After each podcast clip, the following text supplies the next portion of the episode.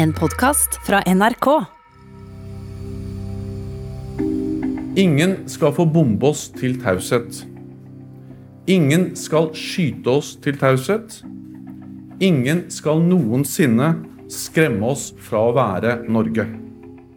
77 mennesker er drept, og flere hundre er skadet etter terroren 22.07.2011.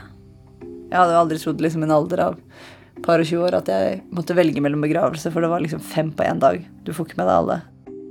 Men hvordan skal gjerningsmannen straffes?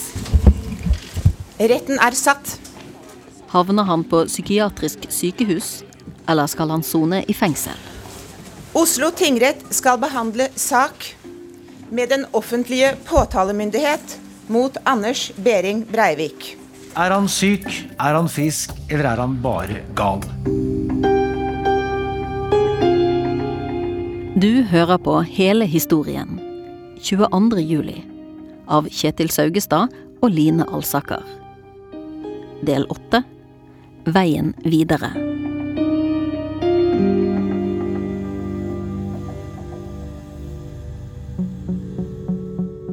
Dagen etter terrorangrepene, lørdag 23. juli 2011, blir generalsekretær i AUF, Tonje Brenna, hentet på Sundvolden hotell av en kamerat. Det er en uvirkelig stemning i Norge etter bombene i regjeringskvartalet og masseskytingen på Utøya. Når vi kjørte inn i Oslo sentrum lørdag kveld, så husker jeg Halvard sa hvis folk er på byen nå, da blir jeg forbanna. For meg jeg tenkte sånn Å ja. Forventer vi at verden forholder seg til dette? For for meg føltes det fortsatt som litt krig, men også noe som hadde ramma oss helt lokalt, nærmest. Fordi jeg hadde jo ikke Jeg satt jo ikke på Twitter og fulgte med at verden hadde sett oss, eller Jeg var ikke på Facebook. Jeg bare var der på Sundvolden og prøvde å gjøre det jeg kunne gjøre der.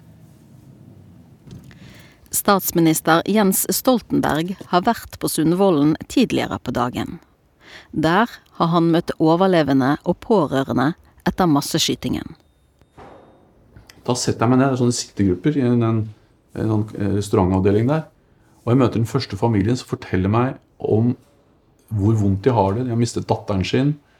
De er helt fortvilet. De, de har ikke sovet. De gråter. Det er veldig vondt. Og jeg prøver å trøste. Jeg husker at jeg klemmer dem, og jeg prøver å si at de må ta vare på alle de gode minnene. Og så reiser jeg meg opp. Og så går jeg en halv meter, og der er en ny familie i en ny sittegruppe og en ny fortelling som er akkurat like brutal. Og sånn går jeg bortover i de sittegruppene, og hver fortelling er mer enn egentlig et menneske kan tåle. Kort tid etter terroren blir rettspsykiater Randi Rosenkvist spurt om gjerningsmannen Anders Behring Breivik kan være psykisk syk.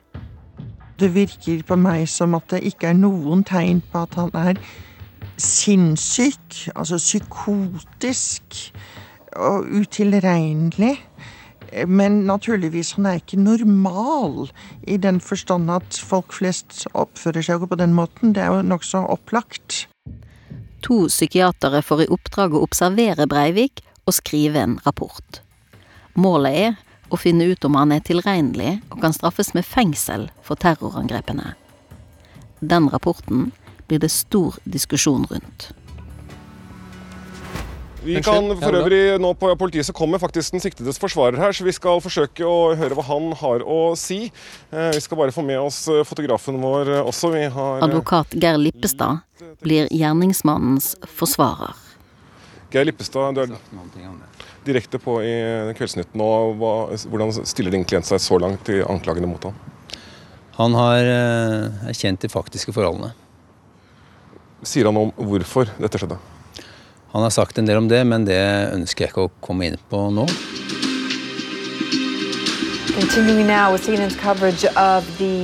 Utenlandske medier forteller om landet som er kjent for å være et av de fredeligste i verden.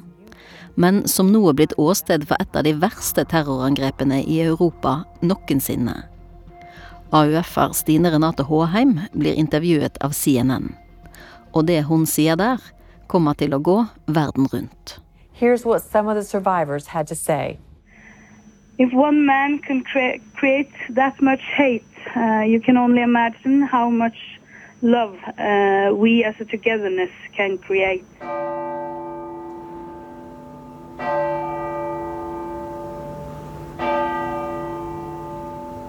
Vi er så få her i landet. Hver fallen en bror og en venn, skrev Nordahl Grieg. Den 22. juli 2011 vil gå over historien som vår lange fredag. Ingen navn på drepte er foreløpig offentliggjort. Men på minnegudstjenesten i Oslo domkirke, to dager etter terroren, nevner Jens Stoltenberg to i sin tale. Den ene er Monica Bøsei, hun som ble kalt Mor Utøya. Mange av oss kjente noen som er borte. Enda flere vet om noen. Jeg kjente flere. En av dem var Monica. I over 20 år jobbet hun på Utøya. For mange av oss var hun Utøya. Nå er hun død, skutt og drept, mens hun skapte trygghet og glede for ungdom fra hele landet.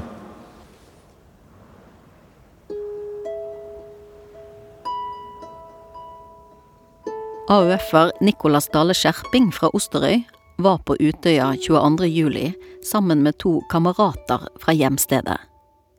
Nicolas har ikke tatt inn over seg at de to, Tarald Kuven Mjelde og Tore Eikeland, aldri kommer til å komme levende hjem fra Utøya. Jeg tror på en måte Selv om all logikk i hodet ditt tilsier det, og du får beskjed om at nå er det ingen flere og sånn, så, så gikk det egentlig ikke opp for meg før talen til Jens Stoltenberg i, domkirken.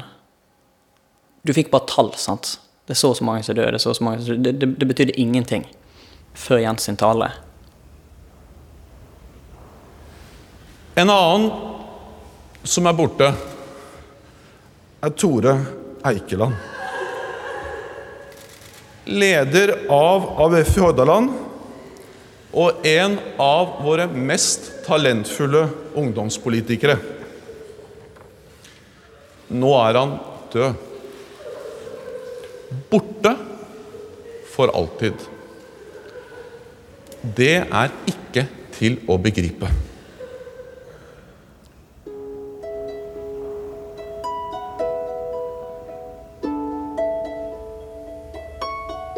Det, det, er jo første gang jeg virkelig på en måte eh, bryter sammen. Jeg, før det har jeg hatt ganske rolig tilnærming til hele greiene. Men jeg tror det er det punktet det går opp for meg. Sitter jeg hjemme i sofaen hos mamma og pappa og jeg bare Jeg kan ikke være der lenger.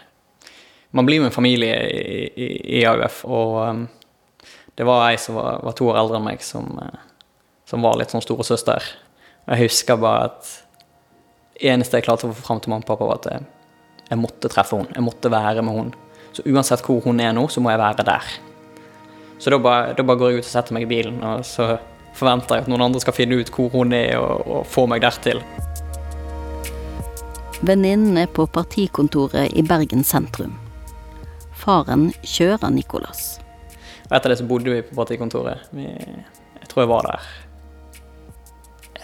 16-17 timer i døgnet eller noe sånt. For der var, det, der var de jeg trengte. Og mamma og pappa var der hele tiden òg.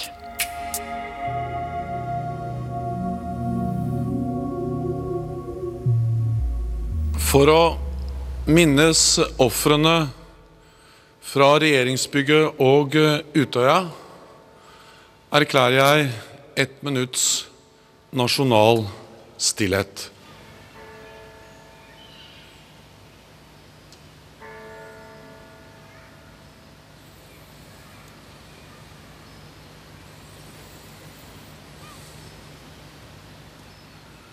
Mandag 25. juli klokken tolv blir sorgen over de drepte i terrorangrepene markert minutts stillhet. Folk stopper opp midt i butikker og på fortau. Biler kjører inn til siden og står stille langs veiene.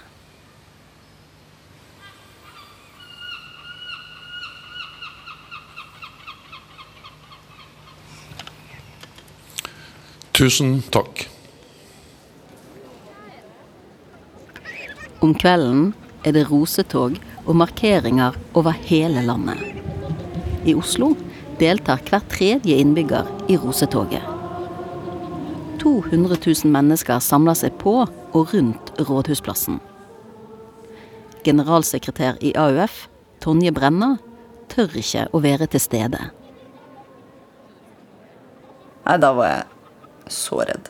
Da satt jeg i sofaen med puta foran ansiktet og syntes statsministeren og kronprinsen alle så så nakne og små ut på den svære scenen, og jeg tenkte bare Det er for sårbart, liksom. Det er for farlig. Så de dagene der rett etterpå var jeg veldig redd. I kveld er gatene fylt av kjærlighet. Vi har valgt å besvare grusomhet med nærhet. Vi har valgt å møte hat med samhold.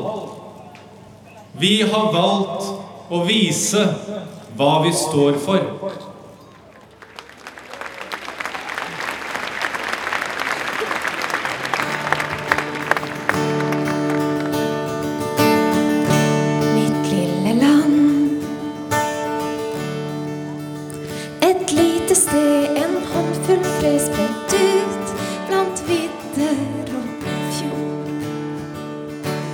Samtidig som Norge er i sorg, foregår det et enormt opprydningsarbeid på Utøya.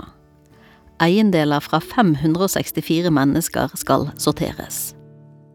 Det er snakk om soveposer, briller, mobiler, kameraer, sko og klær. Med andre ord alt du pakker når du skal være på leir og bo i telt i mange dager. Mesteparten er navnet, men mye umerket og har blitt strødd rundt etter at helikopteret har flydd lavt over teltplassen for å forsikre seg om at det ikke ligger noen gjemt blant teltene. Alle eiendeler blir samlet inn og sortert, og AUF-ene må skrive lange lister over det de eier og savner. Som generalsekretær i AUF var Tonje Brenna ansvarlig for organiseringen av sommerleiren på Utøya. Tilbake på jobb i Oslo prøver hun å ta grep om opprydningen og det som skal skje videre i AUF. Da var jo kontorene våre også ødelagt av bomba, men det viktigste var jo at eh, vi prøvde å få oversikt over alle som var døde, alle som var skadd, eh, om alle hadde kommet seg hjem.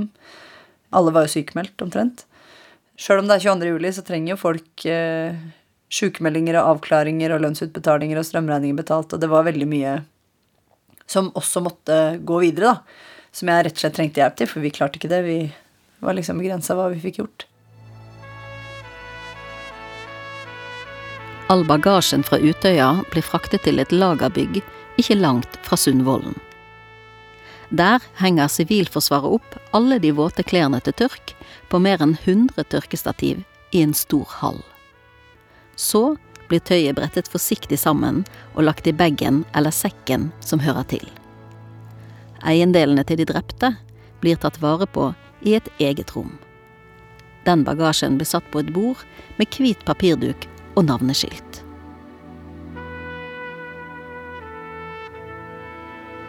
Tonje Brenna får energi av å jobbe og holde seg i gang, men innimellom blir det stille. Altså, jeg hadde den veldig luksusen at jeg hadde en sånn god venninne fra barndommen som bare var sånn De bare pakka meg inn i kjærlighet og mat og Jeg husker den ene hadde en ny, nyfødt baby som jo bare var sånn Hold i babyen. Altså, så det, det var liksom For meg ble det et fristed, liksom. At de bare De bare slapp alt og stilte opp. Det tror jeg gjorde at jeg fikk litt avveksling, og at det ikke var bare jobb og AUF, liksom. Og så eh, begynte jeg ganske tidlig å snakke med en veldig flink eh, psykolog, og det gjorde at jeg ganske fort slutta å være redd. Og det tror jeg gjorde mye, for det bruker man jo utrolig mye krefter på. Så jeg fikk sove om natta, men jeg tror eh, hjernen min led litt overlast av og til, fordi jeg har bare svarte sokker. Og så har jeg en sånn stor sånn skuff med svarte sokker i. Og en morgen så satt jeg med de svarte sokkene og klarte ikke å velge sokker. Så jeg klarte ikke å få på meg sokker, for det var så vanskelig å velge. I Norge diskuterer ikke folk bare om gjerningsmannen kan være psykisk syk etter det han har gjort. Seinsommeren 2011 snakker folk òg om hva det går an å si istedenfor navnet til terroristen. Skal han kalles ABB, terroristen eller bare gjerningsmannen? Mange bestemmer seg for aldri noensinne å uttale navnet hans. Det å ha en forbindelse til Breivik er noe få vil vedkjenne seg etter det som har skjedd. Så skal 77 mennesker gravlegges. Det blir en øvelse i logistikk midt i all sorgen. Så etter hvert så begynte vi med planlegging av begravelser og nekrologer og liksom å være med der vi kunne, da. Jeg hadde aldri trodd liksom en alder av par og 20 år at jeg måtte velge mellom begravelse, for det var liksom fem på én dag. Du får ikke med deg alle. Tidlig i august er det så mange som 32 bisettelser på samme dag. Så det var sånne ting som dukka opp ganske raskt, da. Av eh, dilemmaer. Nicolas Dale Skjerping holder tale i begravelsen til bestekameraten. 18 år gamle Tarald, som ble skutt på kjærlighetsstien på Utøya. Fra jeg kom inn i kirken til de leste opp navnet mitt på at jeg skulle holde den talen, så var jeg fullstendig utrøstelig og hulket og var på en måte fullstendig ute av stand til å håndtere noe som helst. Og så uh, gikk jeg opp på denne, der man skal holde sånn tale i kirken. Og da bare kobles alt annet ut. Da er jeg på en måte i en, i en sånn sone. Så jeg er vel en av få som har startet en begravelsestale med en vits. Så jeg sa at jeg hadde vært på kurs med han her der, der han hadde sagt at det du ikke får sagt på tre minutter, det er ikke vits å si. Så jeg håper noen klubber meg når jeg passerer tre minutter. Eh, og det, Jeg vet ikke om det var så mange i, i salen som på en måte forsto det, men foreldrene hans smilte meg, og det, det, var egentlig det viktige der. Så, så det, var, det var på en måte en fullstendig utladning. Men jeg er veldig glad for at jeg fikk lov til å holde den talen, fordi det Det gjorde i hvert fall at jeg fikk sagt ha det på en, på en litt ordentlig måte. Regjeringen bestemmer seg allerede få dager etter terrorangrepene for å finne ut hva som egentlig skjedde 22.07. Det blir satt ned en uavhengig kommisjon som får i oppdrag å skrive en rapport. 22.07-kommisjonen skal prøve å finne ut om noe kunne vært gjort annerledes terrordagen. Hva fungerte, og hva gikk galt? Det er spørsmålet 22.07-kommisjonen skal svare på og i dag fikk de se Utøya for første gang med sine egne øyne. Vi gikk en runde rundt hele øya, og Kripos viste oss de tragiske stedene. Samtidig som representanter fra AUF fortalte hvordan livet var ment å være der. Tilbake i Utvika offentliggjorde kommisjonen de viktigste områdene den skal kartlegge. Overvåking og PST. Hvorfor ble ikke gjerningsmannen oppdaget? Tilgangen på våpen og kjemikalier den fysiske sikringen av regjeringskvartalet og politiets håndtering av angrepene, der dagens befaring blir viktig. Våpnene Breivik brukte på Utøya, både pistol og rifle, var kjøpt lovlig under eget navn.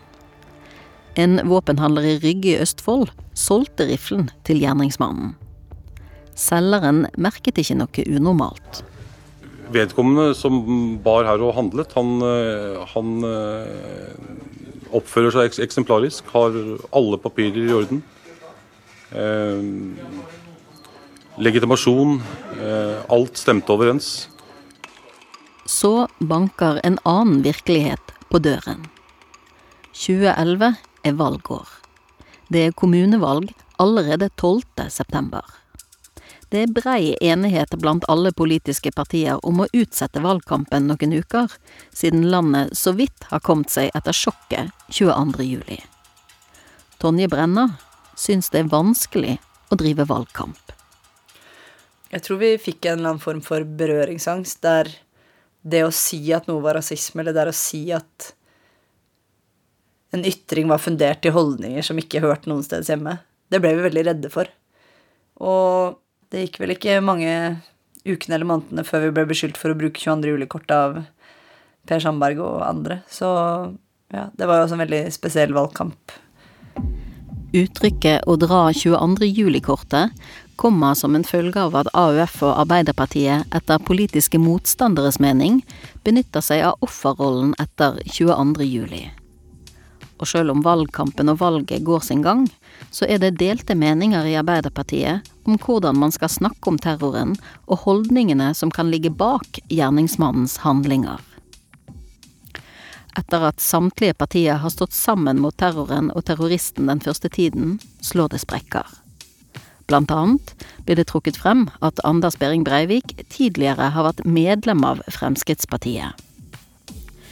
I et intervju to måneder etter valget kritiserer AUF-leder Eskil Pedersen Fremskrittspartiet for ikke å ta ansvar for holdninger han mener Frp skaper i debatter om innvandring og det flerkulturelle samfunnet. Det er ingen tvil om at Fremskrittspartiet har bidratt til en ganske hatsk debatt om innvandring. Når Christian Tybring-Gjedde mener at innvandrergutter er hissigere enn norske gutter, når en representant som Per-Willy Amundsen sier at det kommer til å være muslimsk flertall i Oslo om noen år, når all statistikk viser at det er umulig å se for seg. Frp protesterer kraftig mot å bli fremstilt som uansvarlige i innvandringsdebatten, og mot alt som kan knytte partiet til 22. Så da utenriksminister Jonas Gahr Støre dagen etter AUF-lederens intervju sier i Stortinget at det er som om det er Fremskrittspartiet som er offer i den debatten vi har etter 22. juli, så går FrPs nestleder Per Sandberg på talerstolen. Han legger papirene sine utover, og så sier han noe som provoserer. La meg først bare slå fast at det er ingen som prøver å spille noe offer her. Hvis det er noen som har spilt offer etter 22. juli, så er det til de grader Arbeiderpartiet. I opptaket er det tydelig at Per Sandberg plutselig hører hva det er han holder på å si. Eh, og det eh, bør de også gjøre, for de var et av de store ofrene. Da Jonas Gahr Støre svarer, er han stram og hvit i fjeset. Jeg reagerer på at representanten bruker offeret, at Arbeiderpartiet har spilt offer etter 22. juli. Arbeiderpartiet var offer 22. Arbeiderpartiets juvel, ungdommen, ble angrepet forsvarsløst. Noe mer offer går det faktisk ikke an å bli. Flere representanter fra Arbeiderpartiet forlater stortingssalen. De er rasende og krever en unnskyldning. Nestlederen i Frp må stå til rette for det han har sagt.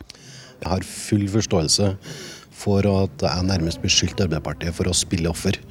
Og Derfor har jeg vært klar og tydelig nå etterpå også at jeg legger meg helt flat og ydmykt ber om unnskyld eh, for denne replikken. Det blir ingen store oppgjør mellom Arbeiderpartiet og Fremskrittspartiet etter utspillet fra AUF og Per Sandbergs utsagn i Stortinget. Noe av grunnen kan være at Jens Stoltenberg må balansere to roller. På den ene siden er det Stoltenbergs eget parti, Arbeiderpartiet, og partiets ungdomsorganisasjon AUF som var hovedmålene for terrorangrepene. På den andre siden er han Norges statsminister og skal romme en nasjonal tragedie. For Jens Stoltenberg og partiledelsen i Arbeiderpartiet går hensynet til inkludering og samhold i hele Norge foran partiets interesser.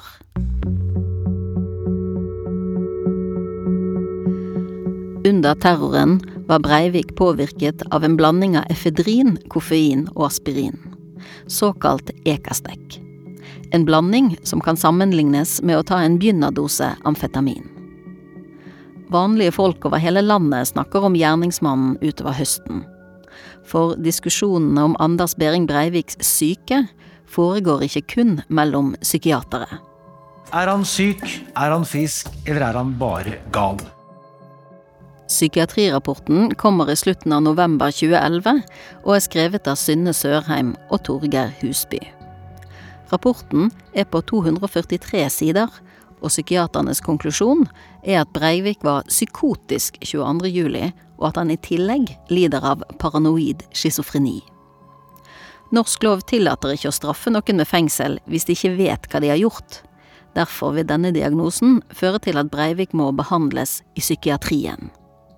Statsadvokat Svein Holden legger frem rapporten.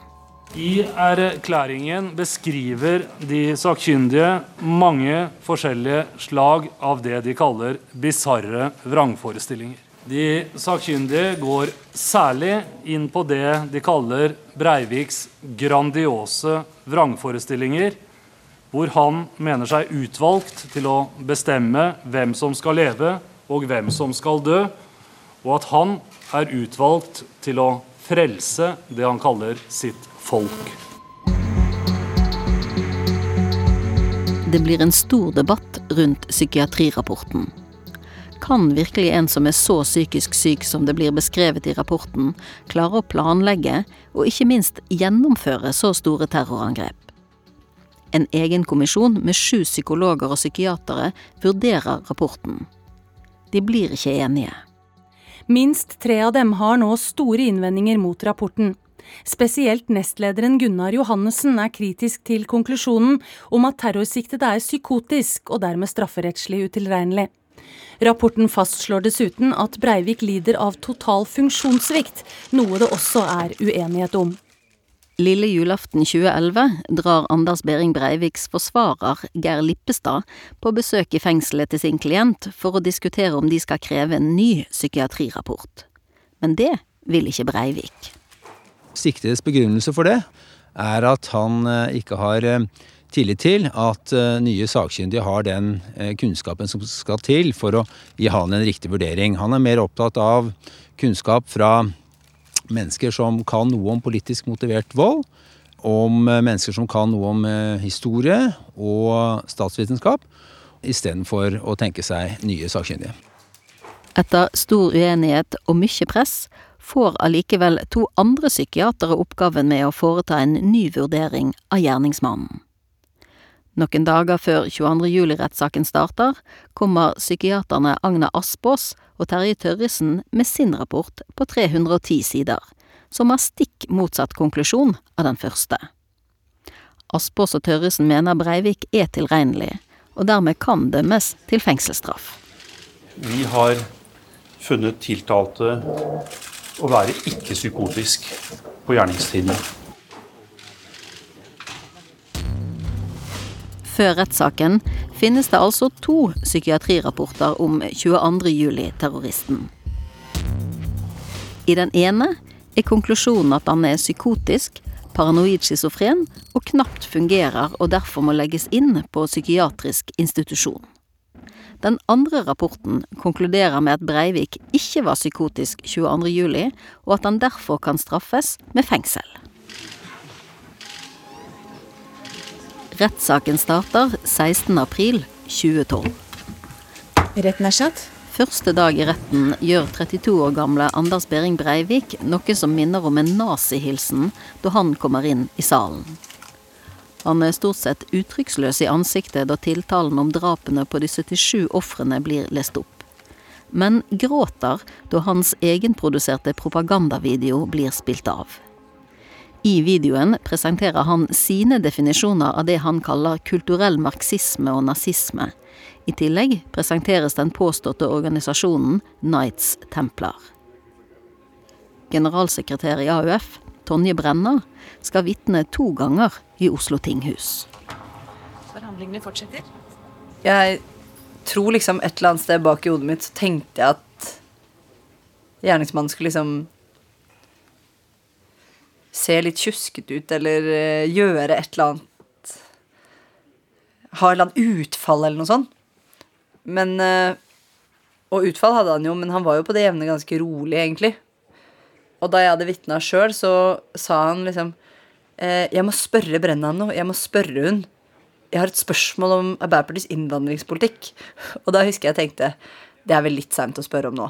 Da ble, jeg, da ble jeg sånn ordentlig irritert. Hvem tror du at du er, liksom? Skal du spørre nå? Breivik forteller at han drepte for å redde det norske folk fra en islamsk overtakelse av landet noe han mener myndighetene, og særlig Arbeiderpartiet, har lagt til rette for. Han forklarer i detalj i retten om hvordan han har planlagt og gjennomført terroren. Målet var å sprenge høyblokken i regjeringskvartalet fullstendig i stykker. Da han hørte på radio at det ikke lyktes, dro han til Utøya. Der ville han drepe samtlige på leiren for å påføre Arbeiderpartiet og AUF det gjerningsmannen kaller størst mulig tap og strupe ny rekruttering. I tillegg ville Breivik halshogge tidligere statsminister Gro Harlem Brundtland og legge beviset ut på nettet. Hun dro fra Utøya to timer før han kom over. Det er som å høre detaljer fra en skrekkfilm. Renate Tårnes, som var på Utøya 22.07 og så kjæresten bli drept rett foran seg, skal vitne i retten. Og da blir det en sånn faen heller.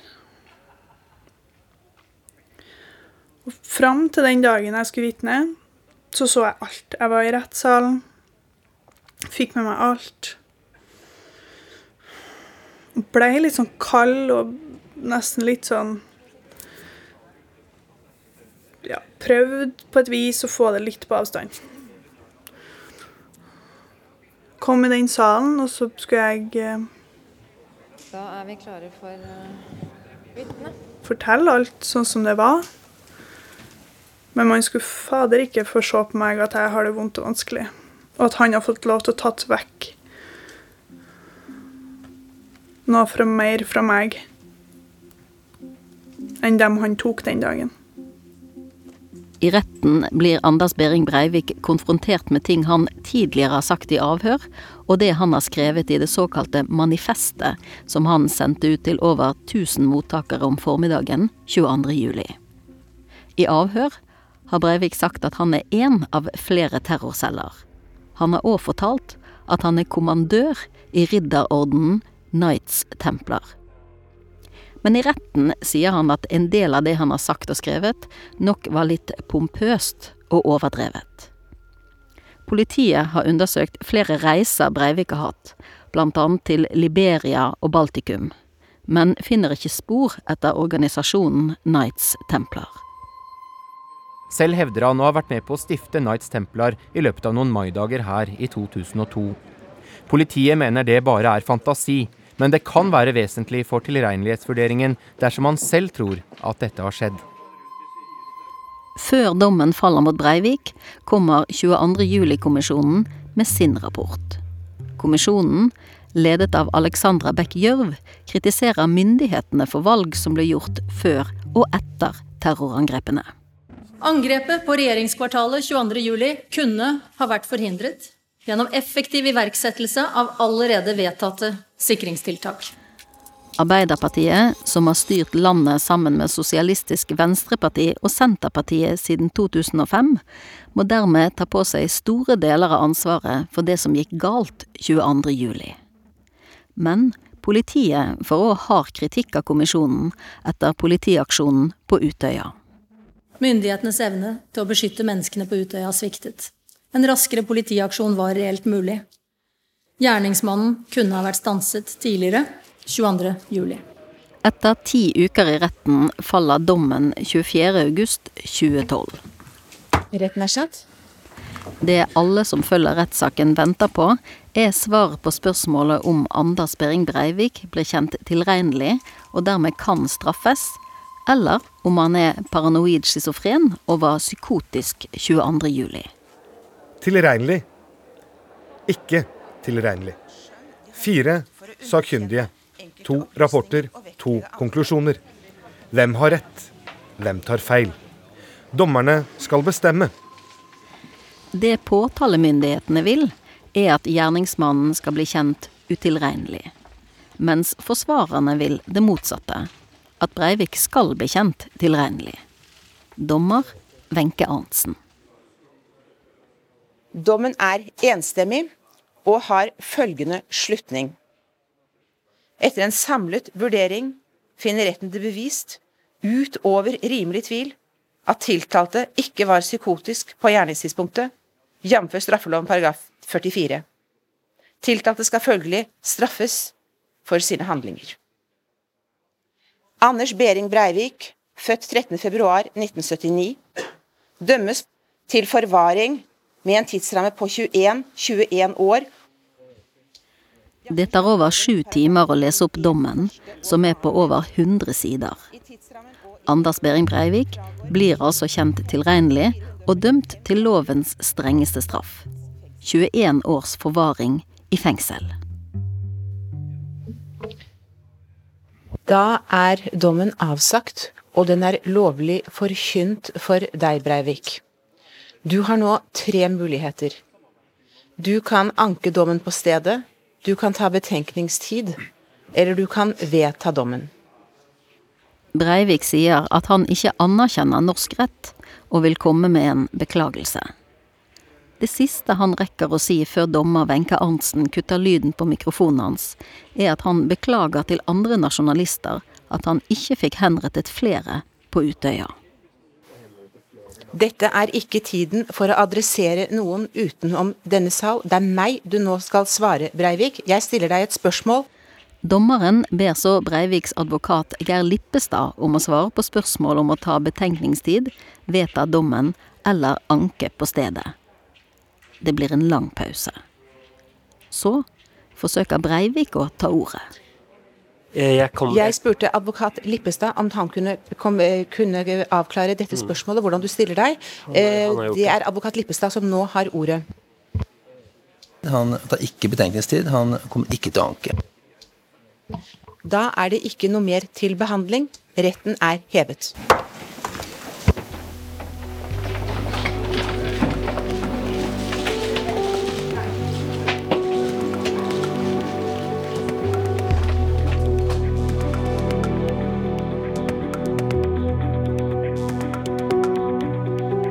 Generalsekretær i AUF, Tonje Brenna, blir lettet da Breivik ble kjent tilregnelig, og dermed kan straffes.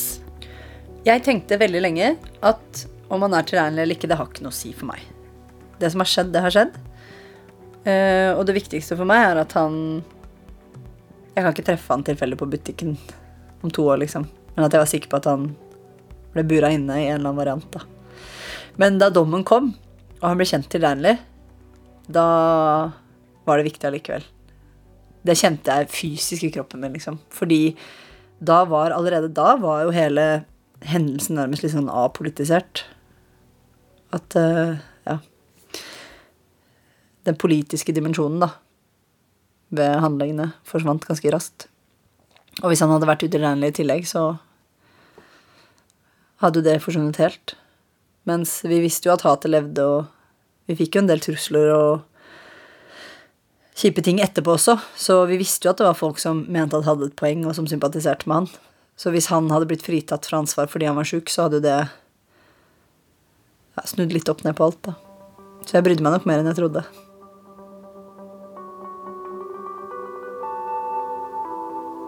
«22. juli er en dag som kommer hvert år, enten vi vil eller ikke.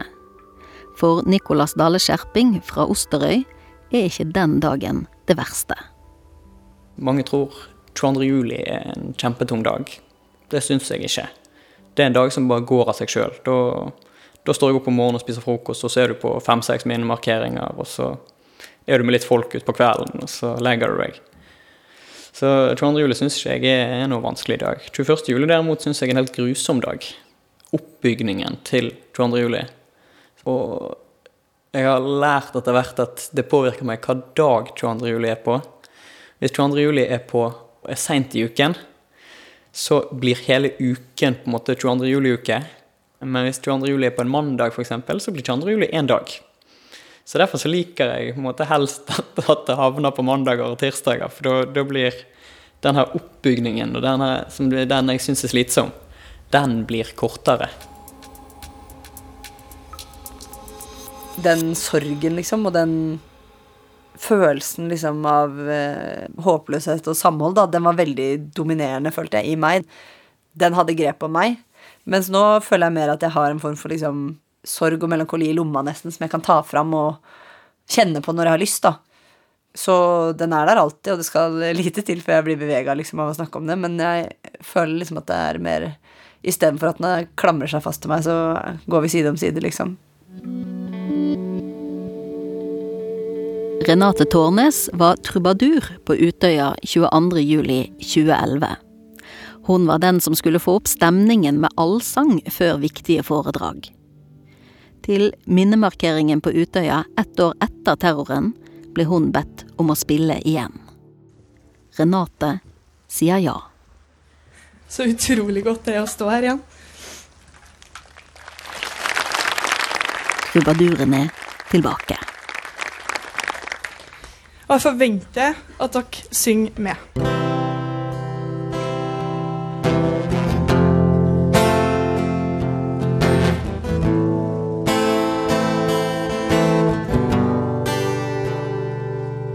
Det var solnedgang. Det var latter, det var sang. Det var sommerfri. Det var sjø og. Det var deg, og det var meg. Det var minner som aldri vil dø.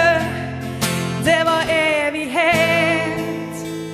Og en sol som farga himmelen rød. Og det var øl berusende ord. Det var sommer, det var sol. Det var hjerter i brann, blikkstille vann. Alt på denne jord. Og det var kjærlighet. Ja, det var kjærlighet. Minner som aldri vil dø. Sol som farga himmelen rød. barbeint i varm sjø. Solen farga himmelen rød. Minnene vil aldri dø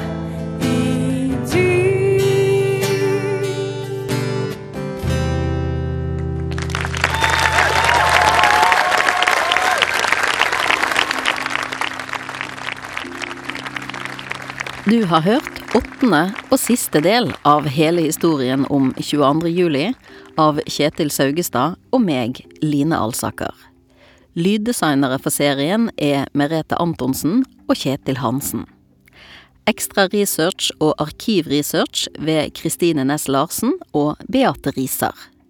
Sosius Music har laget kjenningsmelodien, og Siril Heierdal er vår redaktør. Opplysningene om opprydningsarbeidet på Utøya og Arbeiderpartiets håndtering av 22. juli er hentet fra Halvard Notakers bok 'Arbeiderpartiet og 22. juli'. Vil du sende oss en e-post? Da er adressen hele historien.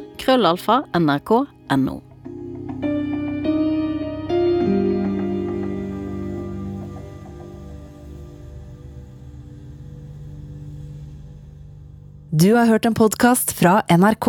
Hør flere podkaster og din NRK-kanal i appen NRK Radio.